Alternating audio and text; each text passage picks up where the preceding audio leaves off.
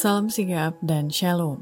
Renungan kita pada hari ini, Minggu 4 Februari 2024, berjudul Juru Selamat yang Indah.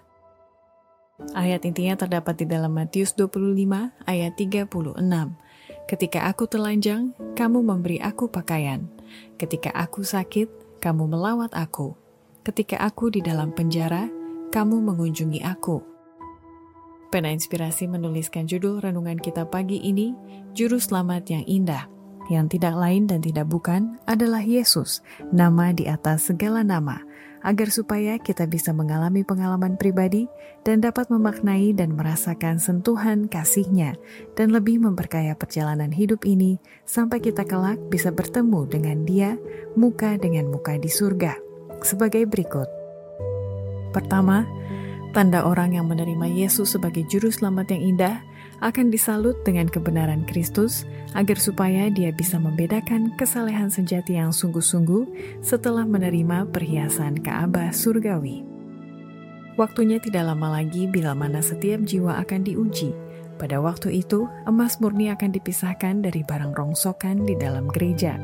Kesalehan sejati akan jelas dibedakan dari yang kelihatan saleh dan hanya berlapis itu. Banyak bintang yang kita kagumi kecerdasannya akan masuk ke dalam kegelapan. Sekam akan diterbangkan angin seperti gumpalan awan. Bahkan dari tempat-tempat yang kita lihat di sana hanya lapisan gandum yang baik. Semua orang yang menerima perhiasan Ka'bah tetapi tidak disalut dengan kebenaran Kristus akan merasa malu karena ketelanjangannya. Kedua, tanda orang yang menerima Yesus sebagai juru selamat yang indah akan menunjukkan roh pengorbanan diri melalui kesetiaan dalam memberikan persembahan seperti yang dilakukan oleh janda miskin.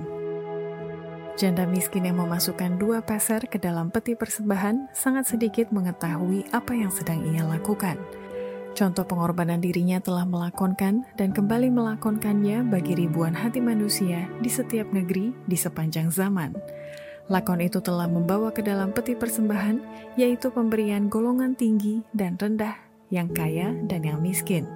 Itu telah menolong menunjang misi, mendirikan rumah-rumah sakit, memberi makan yang kelaparan, memberi pakaian kepada orang telanjang, menyembuhkan orang sakit, memberitakan Injil kepada orang miskin.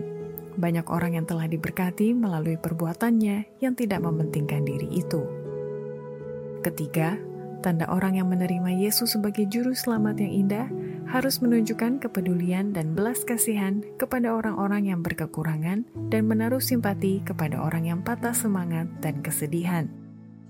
Kristus menuntut kita supaya mengeluarkan buah, yaitu perbuatan baik, kata-kata lemah lembut, perbuatan kebajikan, penghormatan yang lembut kepada yang miskin, yang berkekurangan, dan yang sengsara. Apabila orang menaruh simpati kepada orang yang patah semangat dan kesedihan, Bila mana tangan diulurkan kepada yang berkekurangan, bila mana diberikan pakaian kepada yang telanjang, tamu asing disambut di dalam hatimu, malaikat sangat dekat, dan jawaban diberikan dari surga. Setiap tindakan keadilan, kemurahan, dan kebajikan menciptakan melodi di surga. Dari atas tahtanya, Bapa di surga melihat orang-orang yang melakukan tindakan kemurahan ini dan menghitung mereka sebagai harta miliknya yang paling berharga. Keempat, tanda orang yang menerima Yesus sebagai juru selamat yang indah harus membawa dirinya lebih dekat kepada Yesus melalui tindakan kemurahan bagi orang-orang yang berkekurangan dan menderita. Setiap tindakan kemurahan bagi orang yang berkekurangan, yang menderita, itu dihargai sebagai tindakan kepada Yesus sendiri. Apabila engkau membantu orang miskin, menaruh simpati kepada orang sengsara dan tertindas, bersahabat dengan anak yatim piatu, engkau membawa dirimu lebih dekat kepada Yesus. Demikianlah renungan kita pada hari ini.